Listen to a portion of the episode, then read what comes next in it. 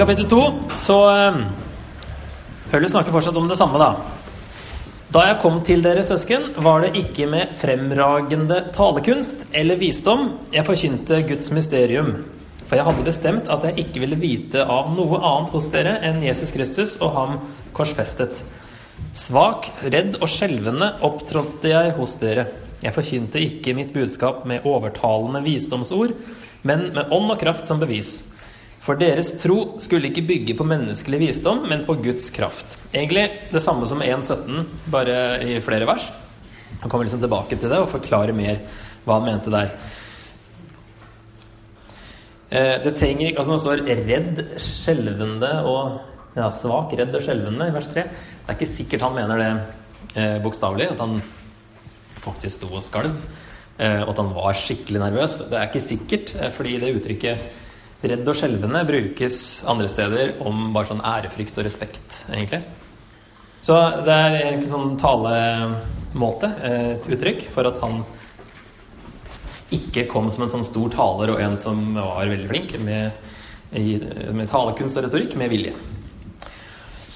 Ok, og så kommer han da til eh, Likevel, i vers 6 eh, forkynner vi en visdom for dem som er modne. Men det er ikke en visdom som tilhører denne verden og denne verdens herskere, de som går til grunne. Nei, vi forkynner et mysterium, Guds skjulte visdom. Før tidenes begynnelse hadde Gud bestemt at den skulle føre oss fram til herligheten. Denne visdommen har ingen av verdens herskere kjent. Hadde de kjent den, ville de ikke ha korsfestet herlighetens herre. Men som det står skrevet, det intet øye så og intet øre hørte, det som ikke kom opp i noe menneskehjerte, det som Gud har gjort ferdig for dem som elsker ham, det har Gud åpenbart for oss ved sin ånd. For ånden utforsker alle ting, også dybdene i Gud. Hvem andre enn menneskets egen ånd vet hva som bor i et menneske? Slik vet heller ingen annen enn Guds ånd hva som bor i Gud. Vi har ikke fått verdens ånd, men den ånd som er fra Gud, for at vi skal forstå hva Gud i sin nåde har gitt oss. Om dette taler vi med ord som Ånden har lært oss, ikke med ord som menneskelig visdom har lært oss. Det åndelige tolker vi med ord som hører Ånden til. Slik menneskene er i seg selv, tar de ikke imot det som hører Guds ånd til. Det er dårskap for dem, og de kan ikke fatte det, for det kan bedømmes bare på åndelig vis. Men det mennesket som har Ånden, kan dømme om alt, og selv kan det ikke bedømmes av noen. For hvem kjente Herrens sinn, så han kan gi ham råd? Men vi har Kristi sinn. Fortsatt samme tema. Egentlig gjentar han mye av det han har sagt i kapittel 1. Dette med dårskap og at de kan ikke fatte det og, sånn, eh, så videre. Så her eh, Det Paulus sier om denne visdommen som er for de modne Det virker som at det er en sånn eh, Altså Han sier jo i kapittel, begynnelsen av vers kapittel 3 at de Eh, som spe, var som spedbarn i Kristus. Så eh, melk ga jeg dere ikke fast føde, for dere tålte det ikke. Ja, dere tåler det ennå ikke. For det er jo fremdeles kjøtt og blod som rår i dere. Når det hersker misunnelse og strid blant dere, er det ikke da styrt av kjøttet å gå fram på menneskers vis? Så han lager en link der man må være kjødelig, altså det å leve Eh, sånn, det å være en umoden kristen, da, det er sånn som korinterne er.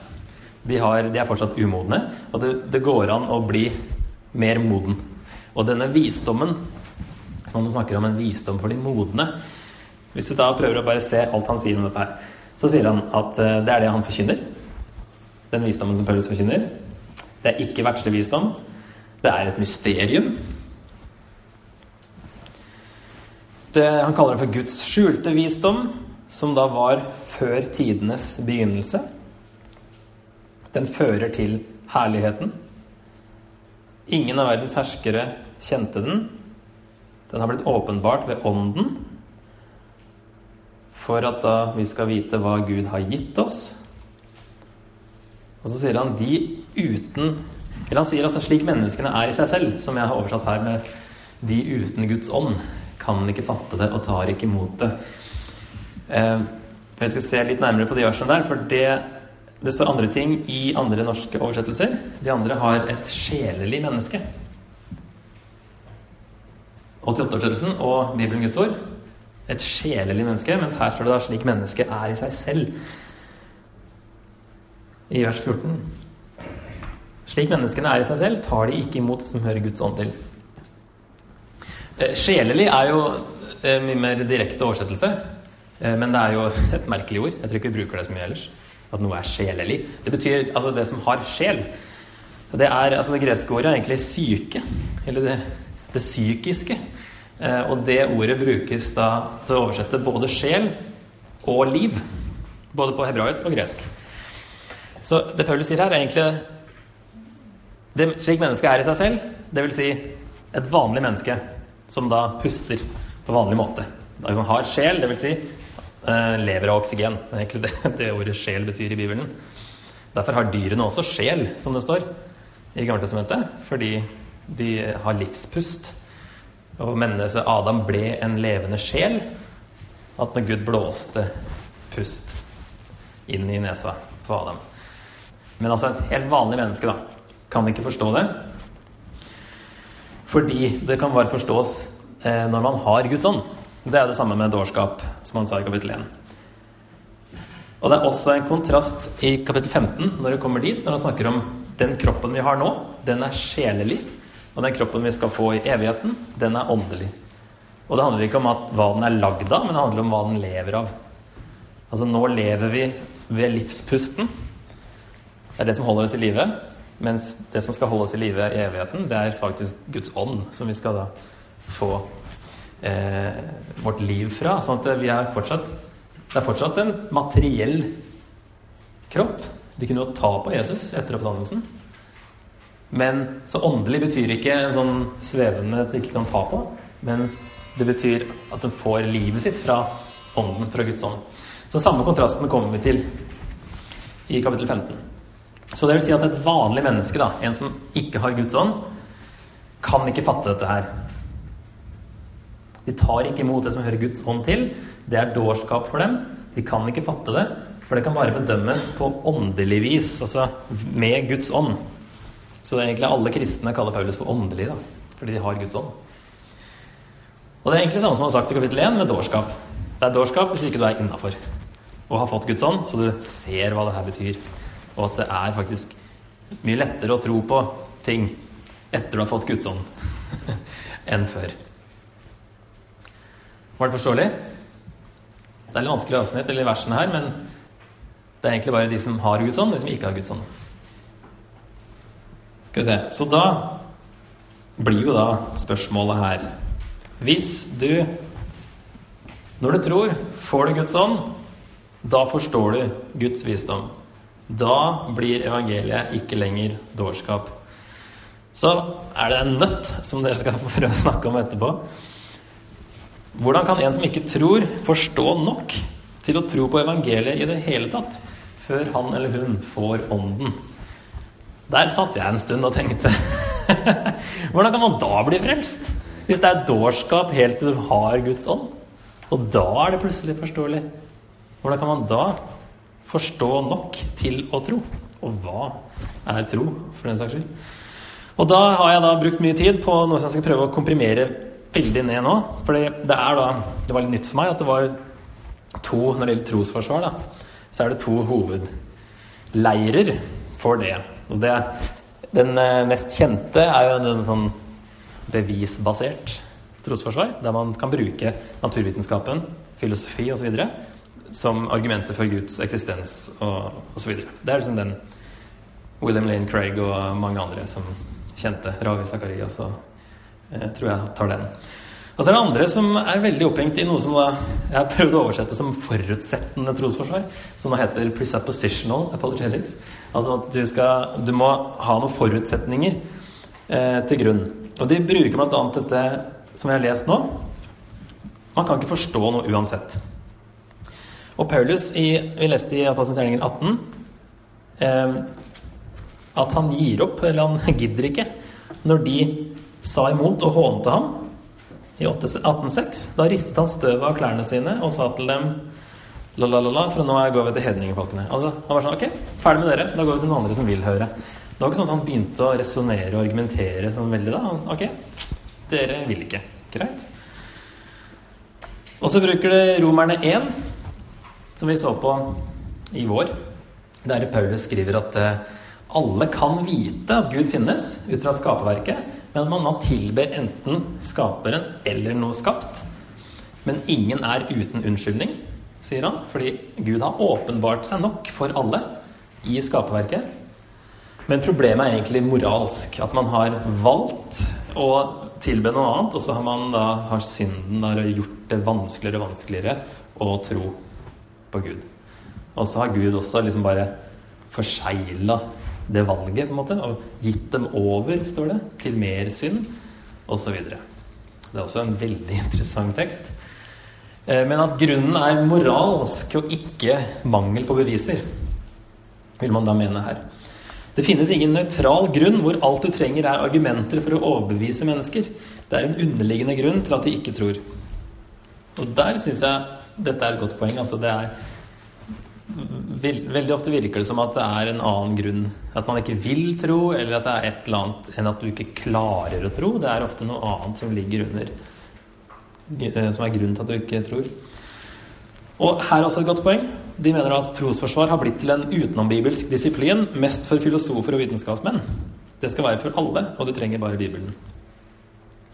Man tenker jo at man kan aldri bli en sånn eller drive med trosforsvar, fordi da må du ha så peiling på alt mulig annet. Eh, men det, det er noe som alle skal gjøre, ifølge Bibelen i 1. Peter 3 f.eks. Og hvis man forsvarer troen til det punktet at det ikke, ikke, skal være dårskap lenger, så kan det hende det ikke er evangeliet du forsvarer, mener de også her, da. Hvis du skal gjøre alt så fornuftig og argumentere ut fra filosofi og naturvitenskap, og kanskje må du bortforklare noen ting, og så er det kanskje ikke da dårskap til slutt. Og da er det jo egentlig ikke evangeliet ifølge Paulus her. Så den forutsetningen er at de faktisk begynner med at Gud finnes, og at alle egentlig vet at Gud finnes. Og da kan det hende at den diskusjonen ikke blir så veldig lang. Eh, men du vet at Gud finnes? Nei, jeg jo, du gjør det. Altså. eh, hvis ikke Gud finnes, så, så, har ikke logikk noe fundament. Da kan ikke vi ha den diskusjonen her. Men det er jo sånn C.S. Lewis for eksempel, han ble jo kristen fordi, altså ut fra moralen Han klarte, klarte ikke å, å, ha et fundament for moral i ateismen. Eh, og det var liksom de store spørsmålene der, da. Som for så vidt er filosofi. ikke sant? Det er jo litt sånn, Du trenger litt mer enn Bibelen her også, hvis du skal gå på sånn hvor er, hvor har, Hva er grunnlaget ditt for sannhet? Og si at Bibelen ikke er sann. Hva er grunnlaget ditt for det? Du kan ikke definere sant og ikke sant ut fra evolusjon. Du kan ikke definere moral ut fra evolusjon eller logikk. Altså, ja, så hele, liksom, hele fundamentet blir der man starter, da. Eh, så mener man da at hvis Gud har åpenbart seg for alle, hva er poenget da med å komme med flere åpenbaringer fra skaperverket? Når fornuften er fallen likevel, og de kan ikke eh, evaluere bevisene korrekt når man ikke har Guds ånd. Eh, ja.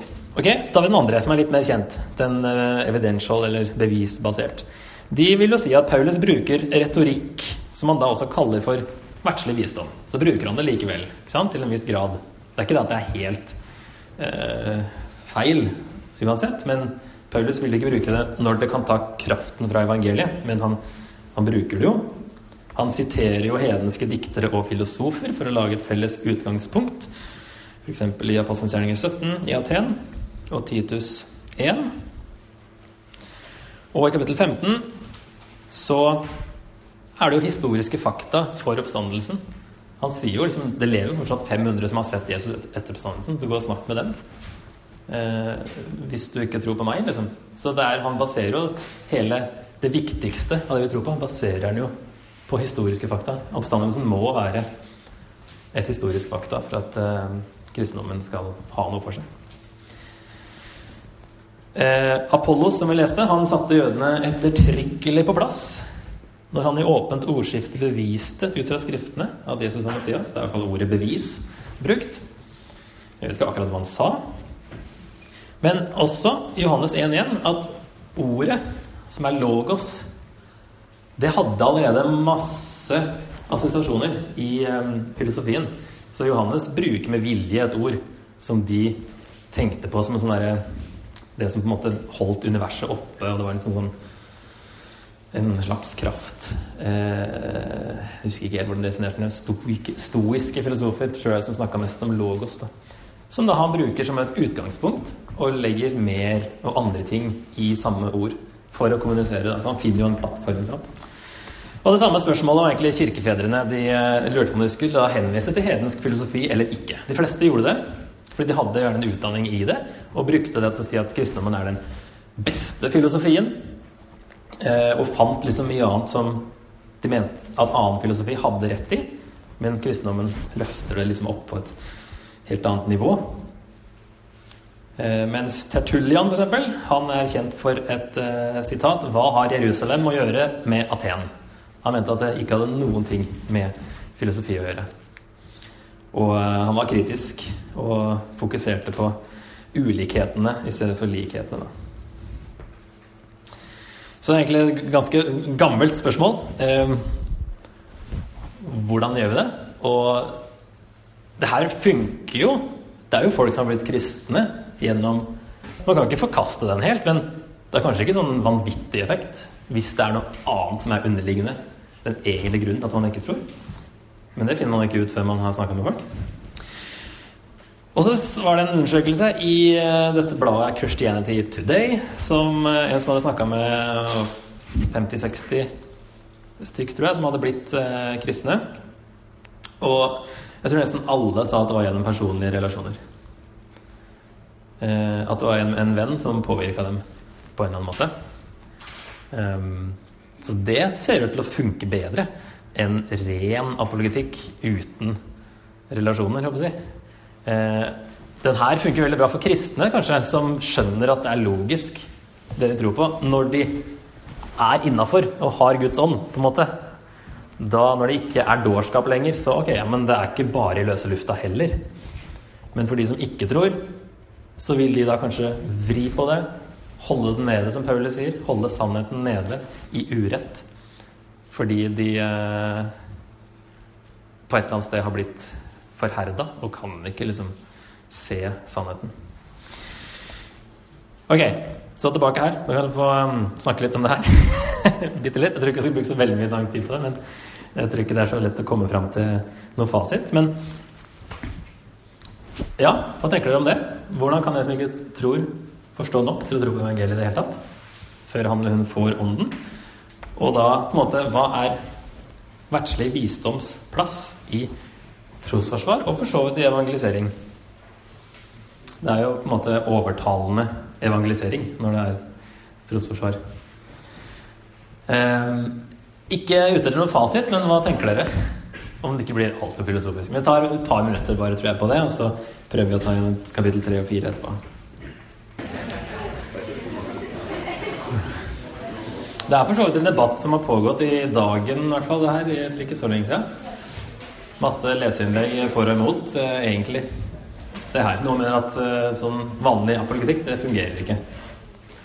Så de mener i hvert fall den her forutsettende metoden kommer fortere til evangeliet enn alt det andre sånne skritt for skritt bygge opp en sånn ja, grunnlag som eh, Der man liksom Ja, ok, kanskje det fins én slags gud.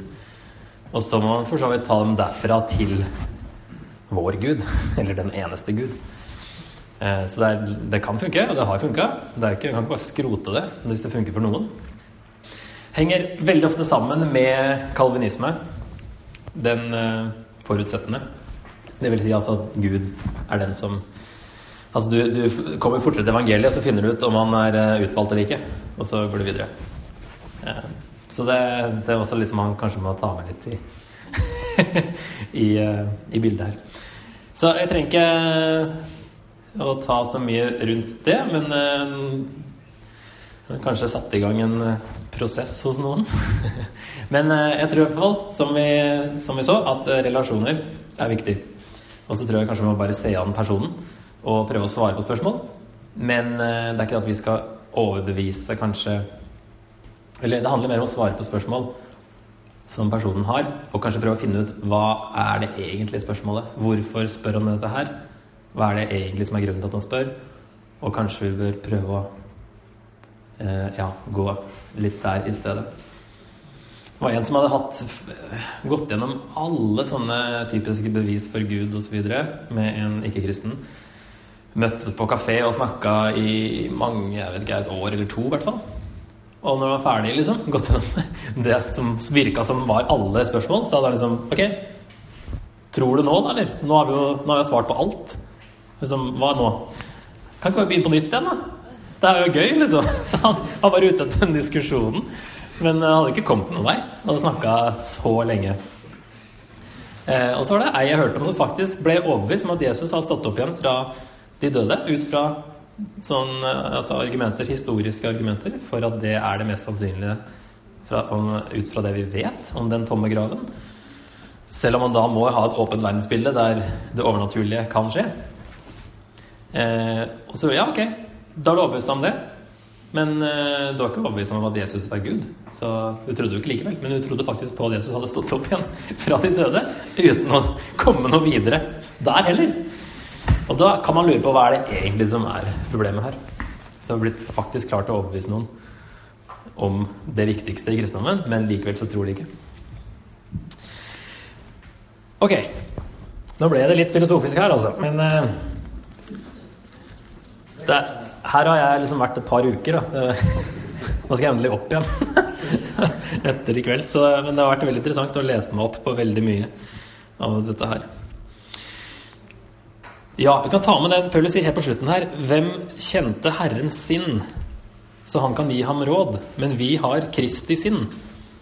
For det første så sier han noe indirekte her at eh, Jesus er Javé, altså Herren i Gammeltestamentet. Han siterer jo eh, Det står ikke hva han siterer. Det var rart. Ja, det har han ikke tatt med her. Jesaja 40, var det du sa? ja, ok, ja. Det er jo et GT-sitat der han siterer Det står egentlig 'Herrens ånd', tror jeg, hvis du slår det opp. Og så lager han likhetstegn til Kristi sinn.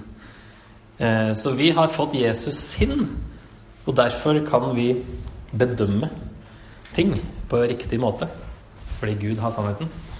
Eh, og vi har fått av Herrens ånd. Det er det samme som Kristi sinn. Ok. Og så sier han da, som i stad, at likevel, søsken, kunne jeg ikke tale til dere som til mennesker som har ånden. Selv om de hadde ånden, så var de da umodne. Så det er en progresjon mulig også. Jeg måtte tale til dere som til mennesker styrt av kjøtt og blod, som til spedbarn i Kristus. Melk ga jeg dere, ikke fast føde, for det tålte dere ikke. Ja, dere tåler det ennå ikke, for det er jo fremdeles kjøtt og blod som rår i dere. Når det hersker misunnelse og strid blant dere, er dere ikke da styrt av kjøttet og går fram på menneskers vis? Når én sier 'jeg holder meg til Paulus', og en annen 'jeg til Apollos', er dere ikke da som alle andre mennesker? Det er umodent, da, med andre ord, å eh, holde på sånn. De er ikke blitt modne kristne, de er spedbarn og oppfører seg på kjødelig, menneskelig vis. Hva er vel Apollos, og hva er Paulus? Tjenere som hjalp dere til tro. Begge gjorde vi det Herren hadde satt oss til. Jeg plantet, Apollos vannet, men Gud ga vekst. Derfor er de ikke noe, verken den som planter eller den som vanner. Bare Gud er noe, han som gir vekst. Den som planter og den som vanner, er ett, men de skal få lønn hver etter sitt eget arbeid. For vi er Guds medarbeidere, og dere er Guds åkerland, Guds bygning.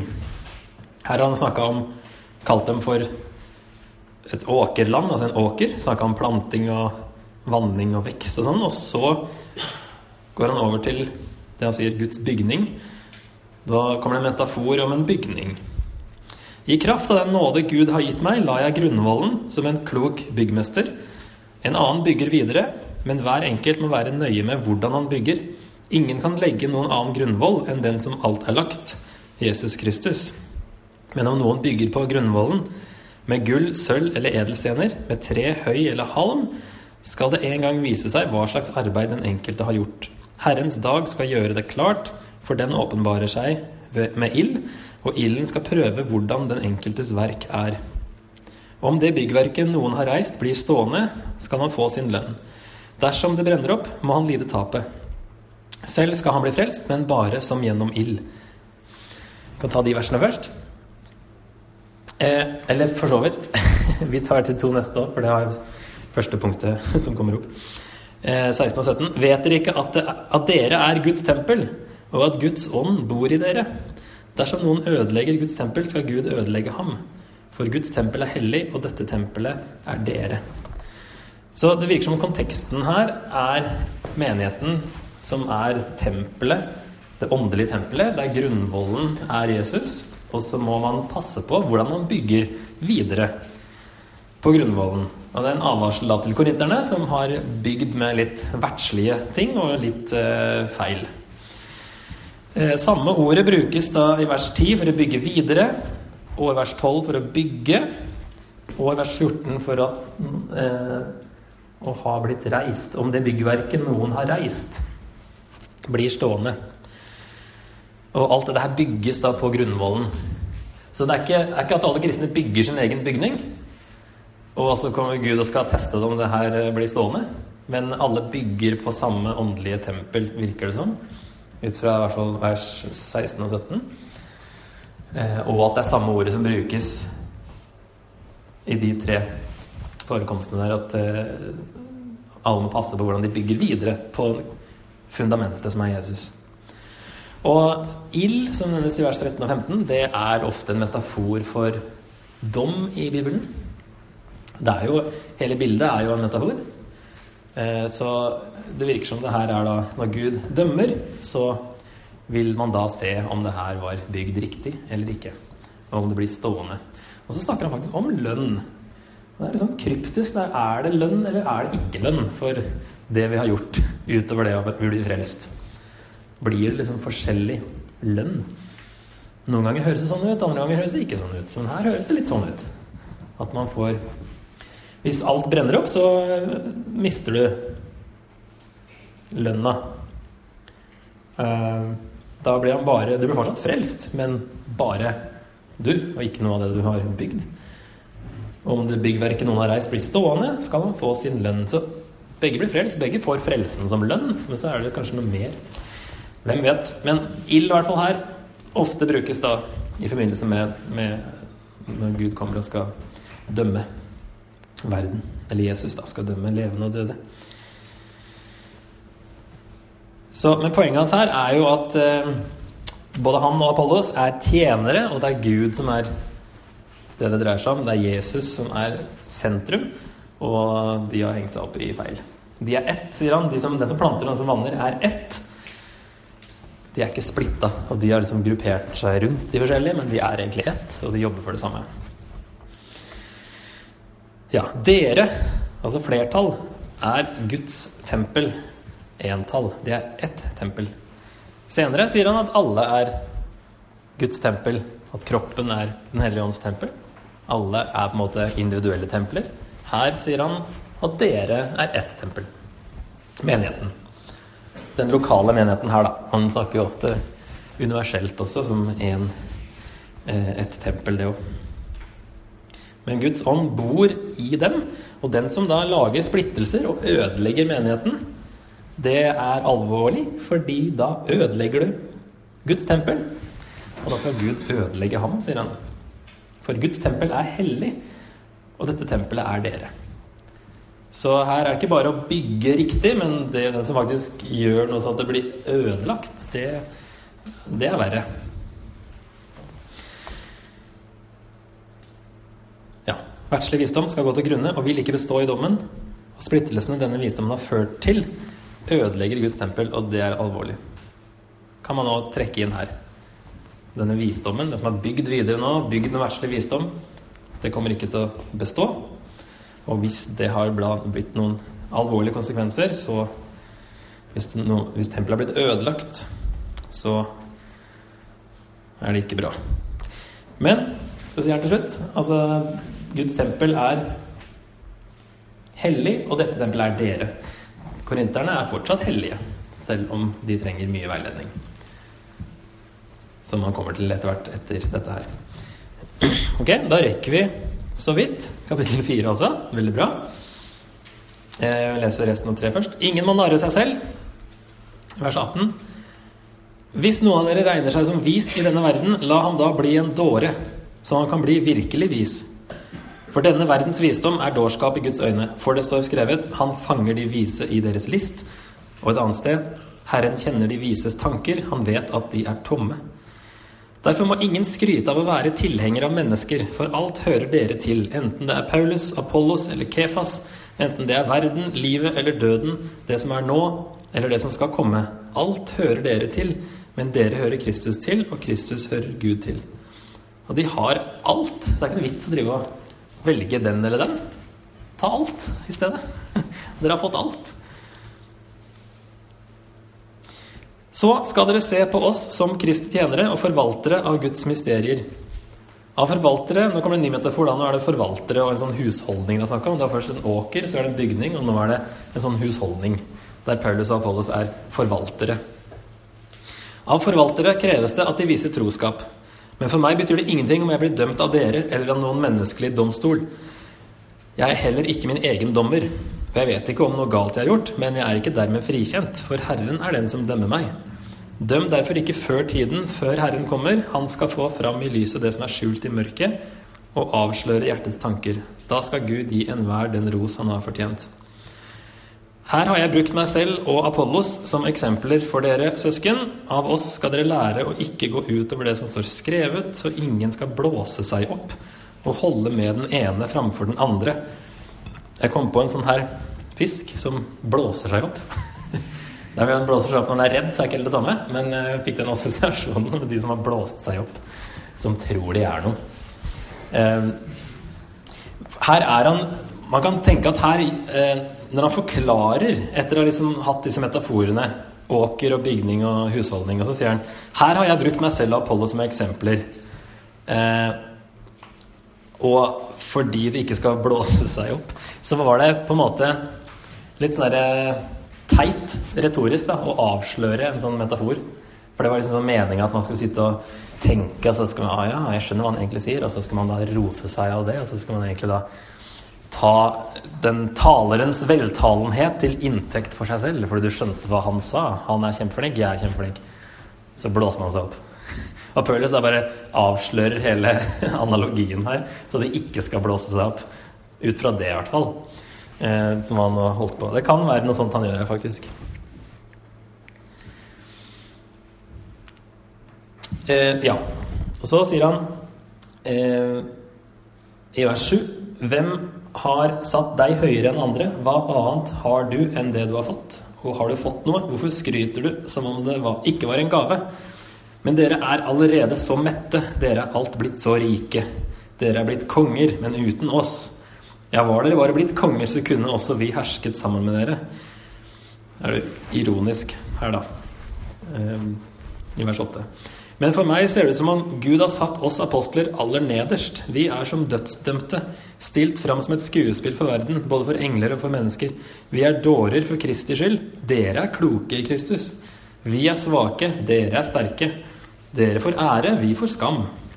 Helt fram til nå har vi både sultet og tørstet, vi mangler klær, blir mishandlet, er hjemløse og må streve for å livberge oss med våre egne hender. Når vi blir utskjelt, velsigner vi.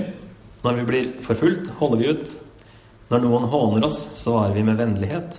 Vi er blitt som utskudd i verden, som avfall for alle, til denne dag. Lager han da en tydelig kontrast mellom sånn korinterne ser på seg sjøl, og hvordan apostlene deres virkelighet, da. Med ironi som virkemiddel. Og tidligere så sa han at Gud ikke valgte ut det sterke og det vise og det ærefulle men valgte ut det som var svakt. Ja, de sier at de er eh, som Ja, det kommer her. Som avfall for alle. um,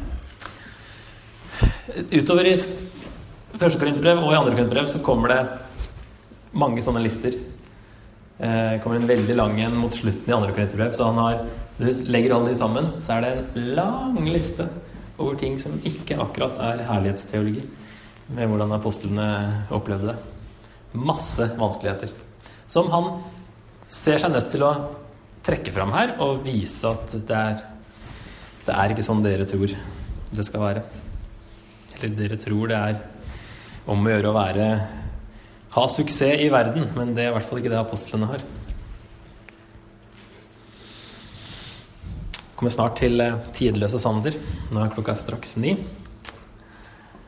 Eh, jeg skriver ikke dette for å gjøre dere skamfulle, i vers 14, men for å vise dere til rette som mine elskede barn. For om dere har tusen lærere i Kristus, har dere ikke mange fedre. Det var jeg som ble deres far i Kristus Jesus da jeg ga dere evangeliet. Så legger jeg dere på hjertet, ha meg som forbilde. Derfor sender jeg Timoteus til dere, mitt kjære og trofaste barn i Herren. Han skal minne dere om mine veier i Kristus Jesus, slik jeg lærer overalt i alle menigheter. Så han sier eh, 'ha meg som forbilde', så er det i neste vers 'slik jeg følger Jesus'. Det var ikke at de skulle etterligne Paulus, men de skulle se på Paulus når han følger Jesus. Og man, de fleste kunne jo ikke lese. Da hadde man ofte da, De filosofene òg brukte ofte seg sjøl som eksempel. Det var lettere å, å etterligne en person enn å lese når du ikke kan lese. Å lese Paulus brev når du ikke kan lese, er litt vanskelig. Så da er det lettere å se på Paulus. Hvordan lever Paulus? Og Paulus har tro på seg sjøl, at han eh, lever eh, sånn Jesus gjorde. Noen har, i vers 18, eh, noen har blåst seg opp fordi de tror at jeg ikke kommer tilbake til dere. Men jeg kommer snart, hvis Herren vil. Da får jeg virkelig kjenne, ikke ordene, men kraften disse oppblåste folkene har. For Guds rike består ikke i ord, men i kraft. Hva vil dere? Skal jeg komme til dere med pisken eller med kjærlighet og mildhet? Han er klar for å komme med pisken hvis de nå ikke skjerper seg. Disse som har blåst seg opp. Det er jo ikke alle, men det er noen av dem som, som har litt for stor selvtillit. Ok, de tidligste sannhetene, som jeg har da tre punkter bare. Det er jo mye man kan få ut av det her. Følg Jesus, ikke mennesker. Det er eh, Som vi snakka om i pausen, vi tenker ofte litt sånn Det er lett å henge seg opp i da, en eller annen eh, kristen eh, leder eller en du liker veldig godt. Eh, forhåpentligvis så går ikke det på bekostning av at det blir noe annet enn Jesus du egentlig følger. Men de som kanskje skrøt av at de har blitt døpt av Paulus, eller at Paulus han, takker Gud for jeg ikke døpte flere Hvis det ble et problem, at 'Å, jeg ble døpt av Paulus', og skryter av det, så er Paulus 'Jeg takker Gud jeg ikke døpte flere av dere', for det her blir helt feil. Eh, ja, og Luther altså Vi sier ofte vi, eller de som er, vi som er lutheranere. Det er ikke så den, den yngre generasjonen er ikke så opptatt av uh, sånne konfesjoner. Men Luther sjøl sa jo at uh, måtte ingen bruke mitt, uh, sa, mitt markspiste navn til å identifisere seg med, et eller annet sånt. Det var liksom helt på trynet å kalle seg lutheraner, ifølge Luther. så det var Ja, han var veldig imot det. Uh, jeg tror vi klarer å liksom holde det på riktig nivå, men det kan bli, eh, bli feil. Um, ja, apropos det, så var det en gang på, når jeg gikk på MF, at vi diskuterte den eh, lignelsen om sauene og geitene i Matteus 25, og hva det egentlig betyr, for det er vanskelig å finne ut av. Um, når eh, Jesus kommer inn og skal skille sauene fra geitene. Evig liv og evig straff. Eh, Liksom, for der er det jo bare basert på hvordan du Disse mine minste brødre. Hvordan du behandla dem. Er det ikke pga. tro, plutselig? Ok, Og så er det veldig mye som Hva betyr det her? Og så konkluderte han uh, foreleseren at jeg er bare så glad jeg er lutheraner. For da er jeg frelst ved tro. Det var sånn en veldig rar måte å si det på. At han setter liksom sin lit til uh, lutheraner, liksom, og ikke til uh, hva Bibelen sier. Og en annen kompis av meg som hadde vært eh, Han var pinsevenn og hadde vært på bibelskole og plutselig fått litt eh, andre tanker om eh, staten Israel enn det som er vanlig blant mange pinsevenner. Og fikk da høre av en av de eldre liksom Må du huske på at du er pinsevenn, da. Du kan liksom ikke mene hva som helst. Så det kan bli litt sånn Man setter seg sjøl i bås ut fra hvem man følger av mennesker. Og vi som Eller ja, de som er ledere, kan jo tenke på, da. Ehm, ser folk du leder Det var Myrt på lederskolen som sa det her, så jeg bare snapper opp og gir det videre. Ser folk Jesus, eller følger de Jesus, eller følger de deg? Når du er en leder. Er det Jesus som fortsatt leder, eller får du egne etterfølgere? Peker vi på Jesus, eller ikke? Punkt nummer to splittelse er barnslig. Umodent å henge seg opp i det som skiller oss, og konkurrere med hverandre og misunne hverandre. Det er verdslig, sier Paulus, og kristne, i hvert fall ikke modne kristne, eh, de burde ikke oppføre seg sånn. Og siste, da, med dette med visdom og sånn. Man kan ikke resonnere seg til frelse. Det kommer ikke an på IQ, kunnskap eller visdom. Det er likt for alle. Du kan resonnere deg ganske langt, men du blir ikke frelst av eh, visdom sånn sett. Og fornuften kan ikke frelse deg. Og her kan vi jo tenke på det ikke la innpakning og form og språk få for stor plass, men at budskapet skal være i fokus. Ja, så står det reflektere i grupper hvis vi har tid. Det har vi ikke. Da får dere ta med det her ut. Reflektere hjemme.